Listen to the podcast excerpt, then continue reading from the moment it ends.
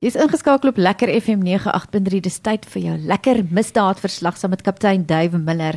Captain, how are you? Ah, very well, thank you. How are you doing, I'm Petra? fine, thank you. And you are from the Lyttelton Police Station. That is correct, Here in yes. Cent- Centurion. In Centurion, Lyttelton Police Station, yes. Um, Lyttelton is a large area. Uh, sorry, or what? Lyttelton is a large area, but Centurion is also a large Mm. area, and it's actually policed by three or four different policing stations. yes. So often people will get confused when they talk about Centurion.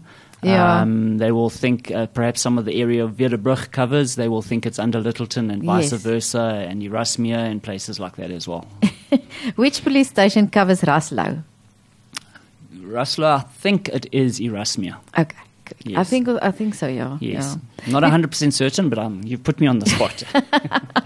We're talking about drinking and driving and then braai and yes. drinking. Oh, Yes. we've got that nice warm weather and it's Yeah. coming out of spring, going into summer.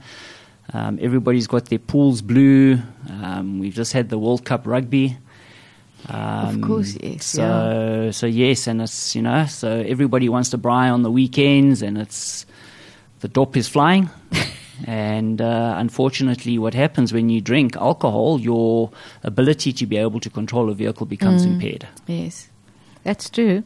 Because the other day we were driving home and there was someone coming out from some uh, gate or something and he came directly for us. We Mm. had to flash lights and, and he eventually saw we were coming. Yes, and um, people think they can just take six beers and it's fine because they feel fine. Yes. They don't feel drunk. Correct. They, they don't into the realize that the reaction time it takes for you to have to execute an emergency stop or for to be able to see another vehicle coming or to realize that you've drifted across the road, Yeah, things yeah. like that. Uh, so, I mean, once again, it's, it's, uh, we talk about utilizing e hailing services. A little while ago, we did talk about safety tips with e hailing services as Yeah. well.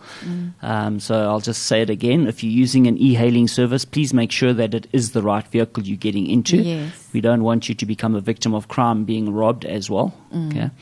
Um, use uh, designated drivers. Yes. Okay.